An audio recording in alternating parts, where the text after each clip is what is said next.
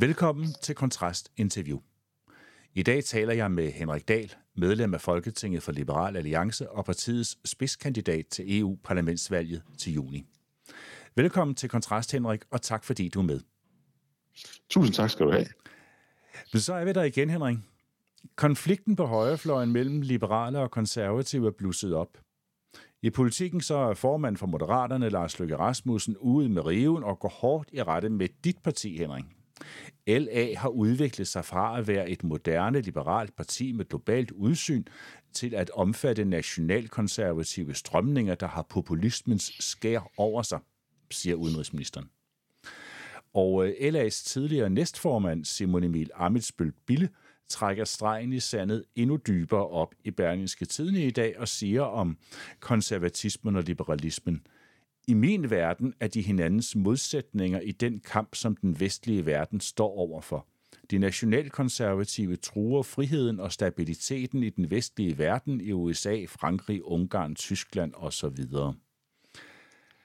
Anledningen til, at blodet er blusset op netop nu, er selvfølgelig, at Pernille Vermund i går blev optaget i LA's folketingsgruppe og har meldt sig ind i partiet. Men årsagen til den meget hårde retorik, når de to borgerlige ideologier støder sammen, skal nok findes et andet sted. Det skal vi tale om de næste 20 minutter. Jeg hedder Lars Kåber og redaktør af Kontrast. Velkommen til Kontrast Interview. Nå Henrik, vi har jo som sagt været der før. Men hvad handler den konflikt egentlig om? Ja, det gad jeg jo på en vis måde også godt selv at vide. Altså, når du tager øh, de her udfald fra øh, moderaterne øh, forleden dag, så vil jeg nok arkivere dem under almindelig politisk mudderkastning på Christiansborg. Øh, og sådan noget øh, er der jo øh, desværre øh, en del af, øh, også selvom øh, moderaterne gik til valg på, at de ville gøre tingene på en ny måde. Øh, men lad os hæve os lidt op. Øh, og der, hvor jeg synes, det bliver svært, øh, det er, at liberalisme er jo i virkeligheden mange ting, og konservatisme, det er også mange ting. Så det er jo kan man sige, måske nogle former for liberalisme, som føler sig meget provokeret af andre former for, for af, af nogle former for konservatisme, øh, mens andre former for liberalisme egentlig lever meget godt sammen med øh, konservatismen. Altså, øh, øh, øh liberalisme kan jo, kan jo dække over ekstremt øh, frihedsorienterede, næsten anarkistiske, antistatslige strømninger. Og så kan det også dække over sådan noget, som man kalder ordoliberalisme i den modsatte ende af, af, af skalaen, som er jo sådan noget, man har dyrket i Tyskland, hvor man er økonomisk liberal, men også lægger meget vægt på stærke institutioner øh, og regler, man opfører, øh, øh, frem efter osv. Så, videre, Så videre. Så det, det er nok øh, en, en del af grunden til, at det er svært at svare, er, at, at, at liberalisme er mange ting. Men det er konservatisme jo også, fordi konservatisme, øh, altså hvis man skal sætte nogle figurer på, det kan jo være Paul Slytter, der ikke var så konservativ, at det gjorde noget. Og så kan det være sådan forbenet, reaktionære måde, hvor man sådan for alvor siger nej til nyt.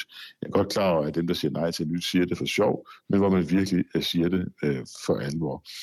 Og, og så kan man jo altid findes noget at skændes over. Øh, øh, jeg håber, det i første runde giver en form for mening. Ja, det gør det måske nok, men er det ikke også er det ikke også sådan måske lidt let at sige, at, øh, at det er almindelig politisk mudderkastning, og at øh, man leder efter noget at skændes over, fordi det er altid hyggeligt at skændes med hinanden, især blandt venner.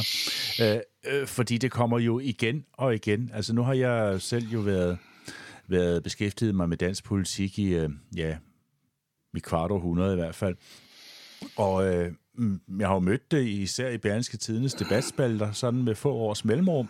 Men så far de øh, konservative og de liberale ligesom i totterne på hinanden, og det er jo nærmest som om, at de er større fjender end end den samlede front, de skulle være mod den socialdemokratiske velfærdsstat og, og mod socialismen.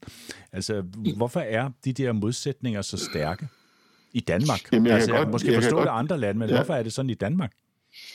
Jamen, jeg kan godt kende det, og, og, jeg, og jeg kender øh, også noget af det internt fra mit eget parti, fordi øh, her er en observation, jeg har gjort, øh, og det er, at øh, nogle gange har jeg observeret i politiske kredse, og det er ikke kun liberale kredse, altså øh, en, et enormt stærkt behov for at ekskludere altså hinanden. Ikke? Altså det, der fik venstrefløjen til at falde sammen i 70'erne, det var sådan et helt overdrevet behov for at, at ekskludere mennesker, som man var en lille bitte smule uenig med at sige, men så er, har du misforstået den rette lærer, og så kan du ikke uh, bruges øh, til noget som helst.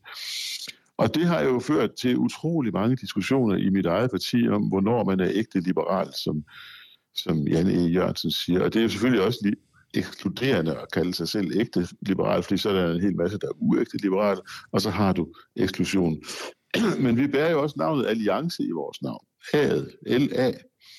Ja. Og jeg har jo altid prøvet at sige i interne diskussioner, at adet det er lige så vigtigt som ældet. Vi er nødt til at huske adet. Og, og det, en alliance lægger jo op til en eller anden form for inklusion, at man ser bort fra sådan mindre forskelle og, og så videre, så videre.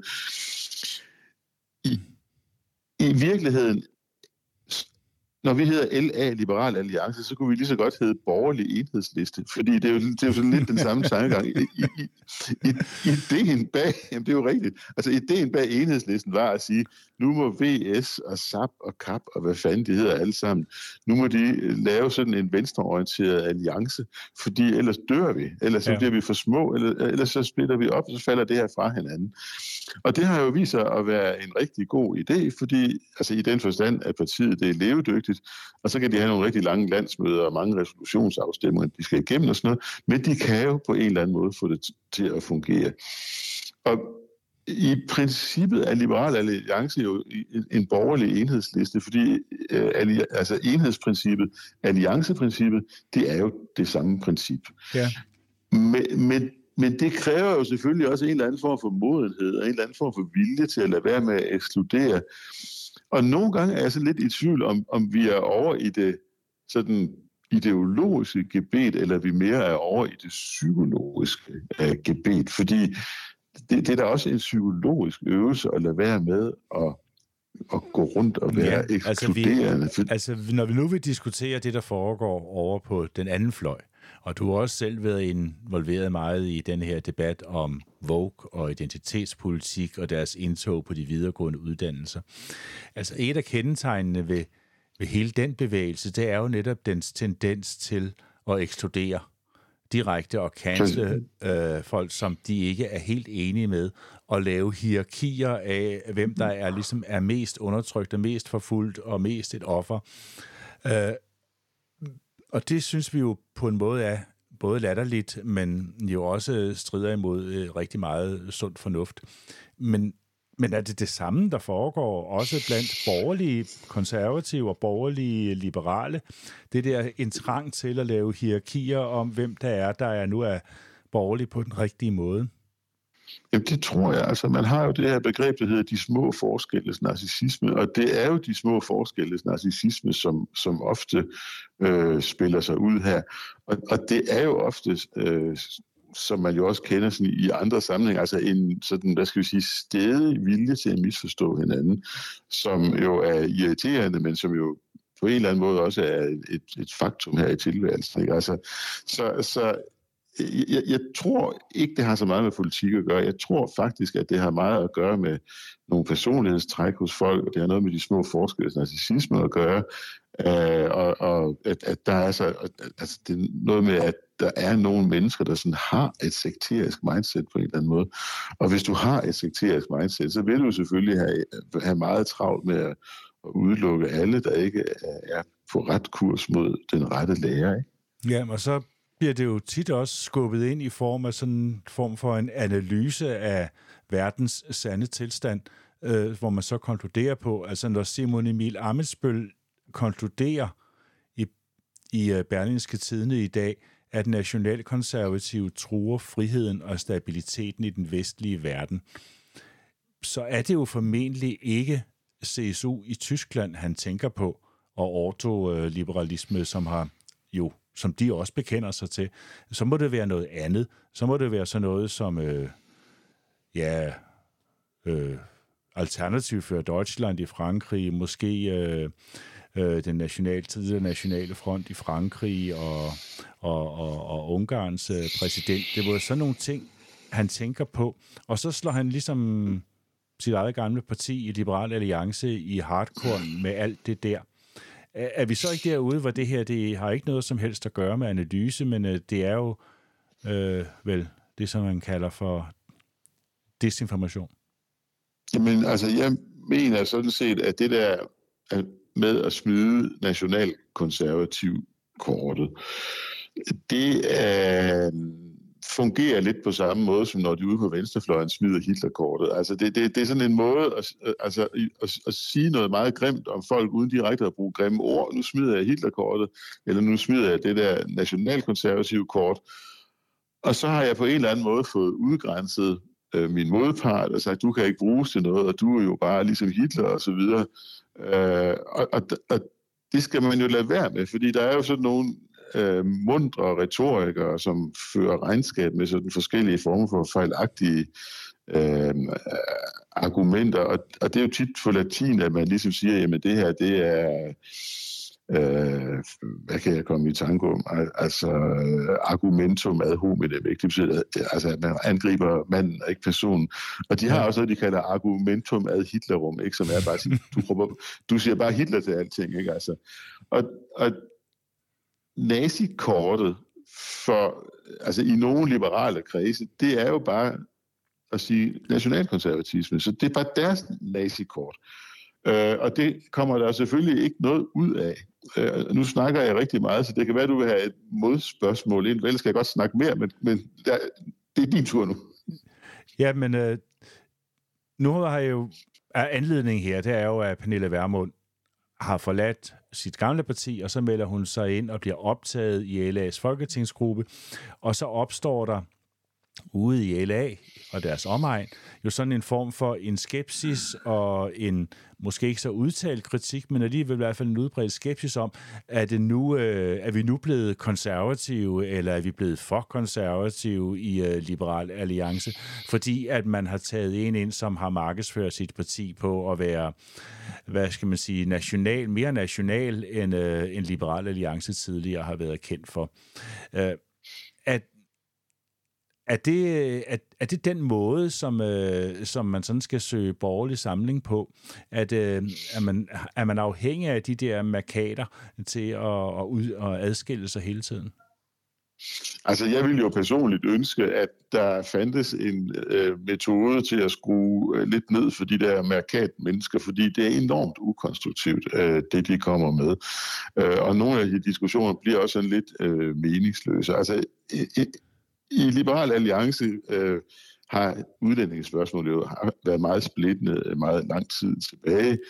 Øh, jeg, jeg slår ned på et eller andet tidspunkt i 2011 eller 12 eller sådan et eller andet, hvor Merete Risager bliver gået som udlændingeordfører. Og hun bliver gået, fordi hun mener, at islamisme er et problem, og det er noget, man bør være opmærksom på. Og det mener hun, fordi hun har den grundantagelse, at samfundets naturtilstand er ikke at være frit og liberalt. Det, det er noget, det, det er blevet. Det er noget, nogen har gjort det til. Og derfor er der også nogen, der gerne vil den modsatte vej, at det må man på en eller anden måde forholde sig til. Så der starter splittelsen jo, øh, måske den også startede før, men det er et, et godt nedslagspunkt, fordi vi er mere end 10 år tilbage her. Altså vi er tilbage i sådan 11, 12, 13, et eller andet før, altså før valget i, ja, vi er mellem valget i 15, og, øh, mellem valget i 11 og valget i 15. Og det starter jo bare en enorm splittelse. Men jeg kan jo bare, altså helt ærligt, ikke se det konservative i at sige, jamen, jamen altså, vi, vi er nødt til ligesom at forsvare friheden. Nej. Fordi friheden er, friheden er ikke noget, man kan tage for givet. Og min bevæggrund til at engagere mig i, i de her spørgsmål har altid været, at, at vi er også nødt til at forsvare ytringsfriheden, og vi er nødt til at forsvare vores liberale samfundsinstitutioner, altså vores domstol og så videre, fungerer som de skal, fordi vi kan ikke antage, at det er sådan en naturtilstand. Nej, og, men det der vil at det der vel heller ikke uh, så mange i Liberale Alliance, der er uenige i, at man skal forsvare de øh, bærende institutioner i samfundet. Altså, det er jo ikke fordi, at alternativet er anarkisme, men det er, Nej, men, men man prøver nej, men sig bare ikke sige- om at få sat en markat på, som er konservativ. Øh, Øh, du prøvede dig jo så heller ikke om. Du, du kalder jo det jo for de liberale institutioner i samfundet. Hvis du havde spurgt en konservativ, ville de nok have sagt, de konservative, der bærende institutioner i samfundet. Øh, så du er også selv lidt inficeret i det der med, at, af ordbrugen, at den er også vigtig. Men jeg øh, vil jo ikke afvise at samarbejde med øh, konservative mennesker, fordi de gerne vil bruge en anden terminologi. Altså det, det, det har jeg ikke nogen problemer med. Og hvis konservative mennesker gerne vil bruge den terminologi, du nævner et eksempel på, så må de gerne det, og det, det generer ikke mig.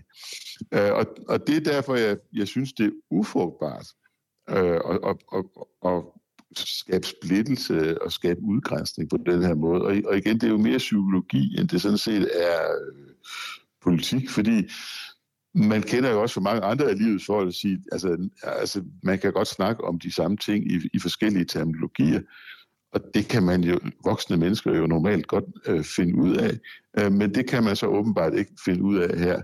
Og, og det eneste, som, som øh, mine gamle modstandere i LA sådan reelt har at have diskussionen om konservatisme i, det er jo hele den diskussion om, at vi må forsvare det, der er. Og, og, og det mener jeg faktisk sådan ret alvorligt, fordi øh, jeg mener, at der er en masse af vores frihedsrettigheder, der faktisk er under pres. Og vores samfundsmodel er på mange måder under pres, og det bliver vi på en eller anden måde nødt til at forholde os til, fordi selvom der også er ting, man kan kritisere, så har vi jo også en ganske god samfundsmodel. Ja. Men øh, kan vi være enige om, at, øh, at øh, det er nok ikke sidste gang, at vi kommer til at se de her, hvad skal man sige, sådan ret elektriske udfald, øh, både fra konservative, der angriber liberale, og liberale, der angriber konservative, øh, baseret på en eller anden form for en ideologisk selvforståelse. Altså, det, det går vel ikke væk? Øh, nej, men, men, men det, som jeg vil øh, i hvert fald bede dig om at overveje, det er ligesom at sige, skal vi øh, sådan lede i retning af, af, af nogle mere stringente politiske uoverensstemmelser, eller er øh, trangen til at skabe splittelse og til at være en splittelsesmager, er det noget andet? Har det en, øh, når vi kommer ned til rødderne, har det så et eller andet psykologisk udspring eller sådan ja. noget? Og jeg, jeg, altså, jeg tror også, at at altså, splittelsesmagerens psykologi er på en eller anden måde også vigtig at forstå, fordi øh, øh, hvad skal vi sige, splittelse er jo, at skabe splittelse er jo en magtteknik. Det er jo ikke en del af herske uden grund. Altså, så, så, så det, man oplever med sådan nogle splittelsesmager, det er jo tit, at det er sådan nogle forsøg på at, at gribe magten, at, det, at der kan et øh, forstadie til at gribe magten. Det kan være at skabe splittelse, og det kan være at få udgrænset nogle mennesker, men synes er besværligere, end jeg gør. Jeg håber, at øh, lytterne af Kontrast øh, måske har fået en lidt større forståelse for, hvor at den her konflikt stammer fra, og hvorfor den hele tiden bliver ved med at dukke op. Øh, og jeg tror også, at vi kommer til at tale om det igen, Henrik. Men øh, tak fordi du vil være med i dag. Tak fordi jeg måtte.